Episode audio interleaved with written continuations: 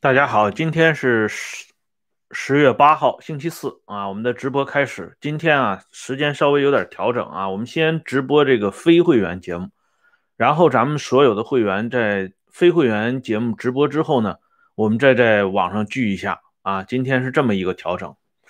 那么今天要讲的话题啊，是跟这个中央党校，也就是原马列学院、马克思列宁学院的一起重要的政治啊风云，有直接的好的体现出毛的这种所谓的高超的政治手腕啊和极为老练的这种手段，几乎把所有的人都玩弄于股掌之间。这里边最突出的，莫过于康生和陈伯达。康生和陈伯达是公认的毛泽东的亲信，而且这两个人目前也已经被批臭了。但是不等于说这两个人没有被人家盯上过，没有被人耍弄过，没有被人操作过，都是一样的。端到桌子上来的都是菜啊，都是谁的菜呢？都是领袖的菜。那么现在呢，我们来说一下两个大家非常陌生的人物，一个叫周文。一个叫杨宪珍，这两个人应该是得相对啊比较了解党史的人，才会对这两个人相对来讲比较熟悉。否则的话，一般人啊说起这两个人，恐怕都不知道是什么样的一个来路。那么下边呢，我先给大家看一下谁叫周文这个照片，周文的传记啊。来一张大一点的照片，啊，比较醒目。周文戴着眼镜啊，文质彬彬。这个周文这个人啊，他原名呢叫何开荣，四川人。他是被鲁迅在生前认为最有才华、最有前途、最有能力的左联作家。他曾经担任过左联的组织部部长，在上海滩的时候。与鲁迅啊交往甚密啊，这个密啊不是指来往的频繁，而是在思想上、在认识上有高度的共鸣。所以一度啊，有人把周文称之为鲁迅的大弟子，把他呢与胡风相提并论，就是这么一个人物。还有一个人物就是今天要讲的杨宪珍啊，这位老先生。他是原中共中央委员、中央党校校长。这位杨宪珍老先生呢，与刚才我提到的周文这个人，两个人在历史上有着一段重要的恩怨纠缠。换句话说，就是这位杨宪珍啊，整死了这位周文。这个过节是怎么个过节？又是谁在背后操作这些？作为整死周文的有功之臣的杨宪珍，后来也没有逃脱被整的厄运。而杨宪珍这么一个啊，一直以来被当成今天有会员节目啊，一直以来被当成在中央党校这场恶斗当中啊，这么一个啊一直被整治的对象的人，他在历史上。一样不可避免的，双手沾满了他的战友的鲜血，或者说用鲜血啊染红了自己的顶戴，没有任何的例外。那么现在呢，我就给大家说一下这个事情的原原委委。这个事情啊，起自于五十年代初，当时大家知道啊，五十年代初的时候。有过著名的“三无反”运动，啊，反贪污、反浪费等等。这“三反五反”运动要求抓大老虎，啊，每个单位都要过筛子，都不能有例外。这样呢，马列学院，也就是后来的中央党校，也是重点。这个时候，马列学院挖掘到了一个大老虎。就是当时的马列学院副秘书长刘元士，作为当时马列学院秘书长的周文啊，他是有责任啊，有义务把刘元世他的副手这位副秘书长刘元世的事情查清楚。周文这个人做事儿呢，历来比较谨慎，同时呢，也是谨，同时也是非常有责任心的一个人。他不想啊，平白无故的就冤枉这个刘元氏。当然，如果这个刘元氏真的做了啊有违党章和国法的事情，周文也不打算放过他。不管这个刘元氏背后有什么背景，所以周文当时在调查刘元氏这件事情上，他是比较用心的，实事求是的进行调查。可是这位周文太过天真了，就是说鲁迅夸奖过的人都比较天真。啊，胡风、萧军、丁玲，加上周文、冯雪峰这些人，总体上讲，在政治斗争当中，都是在不及格这个范围之内的。他们根本不清楚这个政坛上的这种复杂性啊，完全不了解。如果换一个人来操作这个事情，最后应该不是这么个结果。这里顺便要提到一下，这位周文先生啊，他跟鲁迅的渊源到底有多深呢？鲁迅的儿子周海婴在回忆录里边写到这么一件事情，就是在鲁迅去世以后，日本啊在上海的宪兵队去抓捕徐广平，抄家啊抄鲁迅的原来的住址的时候。如果不是周文的岳父岳母在这里边起了保护的作用，那么今天我们可能再也看不到鲁迅全集这么宝贵的资源了。因为这个周文的岳父岳母这一对姓郑的夫妇华侨是来自于日本横滨，周文的妻子郑玉芝本身就生在横滨。所以当时日本宪兵上楼的时候，意外的发现了一个日本出产的炭盆所以这日本宪兵呢就用日语问了一句：“啊，这是日本出来的吗？”这一对啊姓郑的华侨夫妇，就是周文的岳父岳母，马上用流利的日语回应，而且他的这种流利的日语一听就是日本大城市的口音。横滨啊，东京啊，这种口音，用咱们今天的话讲，一听就是北京、上海的口音。所以这个日本宪兵非常啊惊奇啊，没想到在这么一个小的空间里会遇到这么一对夫妇。所以这个日本宪兵呢，给这个夫妇两个啊老夫妇两个敬了个礼，敬了个军礼。这样呢，日本宪兵就没有再往楼上去，而那个楼上正。藏着鲁迅的全部手稿，如果这个上去了话，这些手稿恐怕都要遭到洗劫，很难幸免于难。所以这对老夫妇保护了鲁迅的手稿，他的功劳有多大啊？这个就不用说了。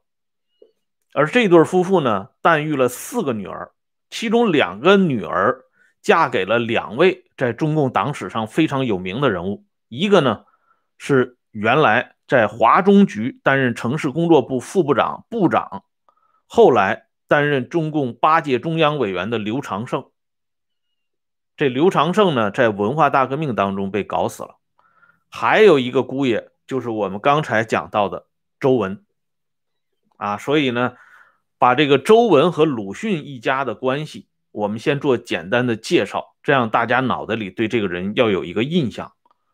这么一个啊，出生入死，在白色恐怖之下保护这个啊鲁迅手稿，并且完成组织上交给他这种艰险的任务的人，非常受到一位元帅的器重。这位元帅呢，就叫徐向前。据周文的传记里边记载了这么一件事情。在一九四九年五月十八号，周文接到通知，要率文艺工作者代表团一行十一人前往北京参加会议。路过太原的时候，他跟徐向前见面了。徐向前专门把一把啊非常珍贵的美式左轮手枪送给了周文，告诉他这一路上啊可能会不平静，你拿着这把手枪。作为防身之用，这徐向前送给周文一把手枪，啊，值得回味的是，徐向前这辈子啊送过两个人手枪，一个是这个马列学院秘书长周文，还有一个山西抗日决死队后来担任太岳军区第四纵队司令员的韩军，啊，就送过这两个人两把手枪。啊，一人一把，结果这两个人呢，最终的结局却是非常相似，两个人都是自杀身亡。啊，这是在党史上一个非常巧合的事情。但是以前我说过啊，如果研究历史研究多了，就会知道，不存在任何意义上的巧合。所谓的巧合，其实都是必然的组合。啊，周文、韩军。这两个人的，呃，自尽同样也不是巧合。那么我们先来说周文，我们后边呢会讲到韩军。周文调查刘元氏，他不清楚这刘元氏是什么来路。这刘元氏的来路可不小。这刘元氏和当时马列学院教育长杨宪珍的关系非常好，甚至。跟当时主持华北局工作的第二书记薄一波的关系也非常好，跟我们经常提到的这位公安部常务副部长徐子荣的关系也非常好，跟刘少奇的大管家安子文的关系那就更好了。换句话说，刘元氏是这个草篮子监狱这一帮派里的人物。那么周文调查刘元氏，就等于。动了杨宪珍的奶酪了，这杨宪珍当然不干了。杨宪珍是怎么到马列学院的呢？这就引出了康生与陈伯达。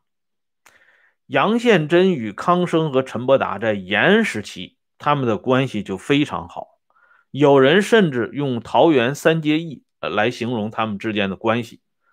而后来原中央党校副教育长吴江。在他的回忆录里边，也向我们讲述了康生和杨宪珍以及陈伯达之间的关系啊，而且吴江说的很清楚，正是因为啊康生和陈伯达的原因，杨宪珍到马列学院任职。那么康生和杨宪珍他们的共鸣之处在哪里呢？他们都是承袭了苏联的日丹诺夫的。这套思想方针，斯大林、日丹诺夫的这套方针，所以在党校内啊，执行一条非常左的这么一条路线，而这条路线恰恰是领袖最喜欢的。所以当时奉命兼任马列学院副院长的陈伯达，就是领袖的第一秘书陈伯达，与杨宪珍之间打得火热。那跟康生之间的关系就更不用说了，即便是在。给杨宪珍的传记里边也承认杨宪珍同康生之间关系不俗。这里呢，我们引用这么一段故事：八届一中全会不久，杨宪珍呢春风得意，既当选中央委员，又坐上了中央党校校长的位置。那么康生这个时候刚好接到了一大盒外国的香烟。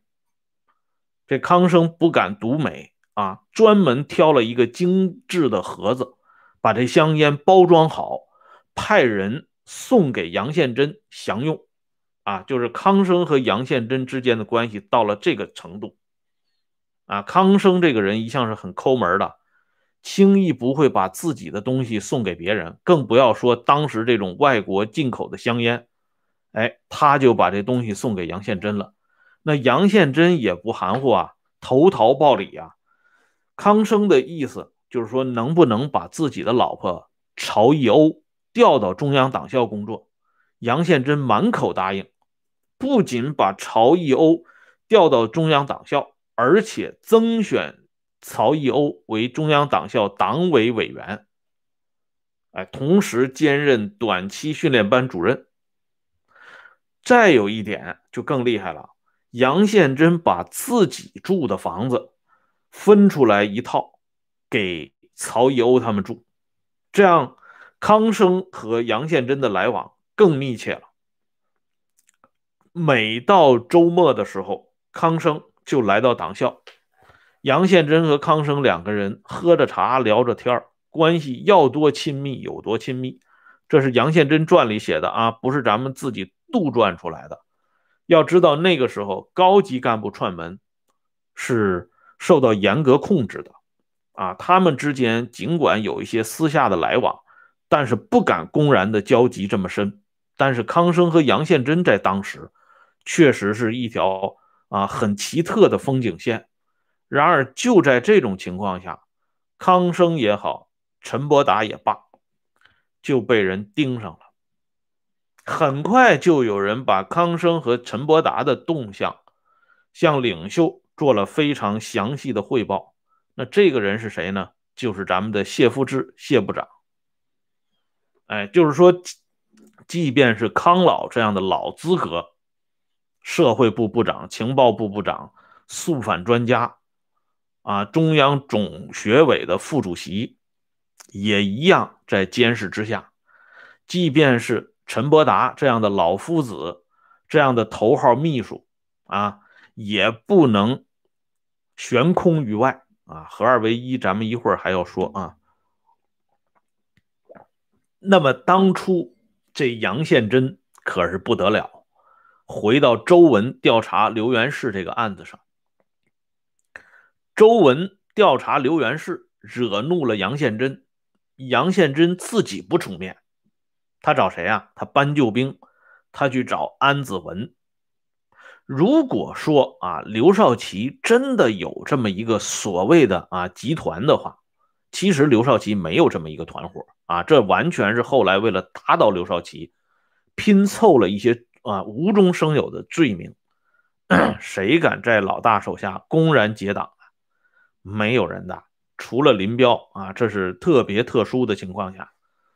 而林彪的所谓四大金刚，也只有在文革前后的这种特殊时期，他们才走到了一起。啊，某种意义上讲，也是领袖故意把他们捏到一起的。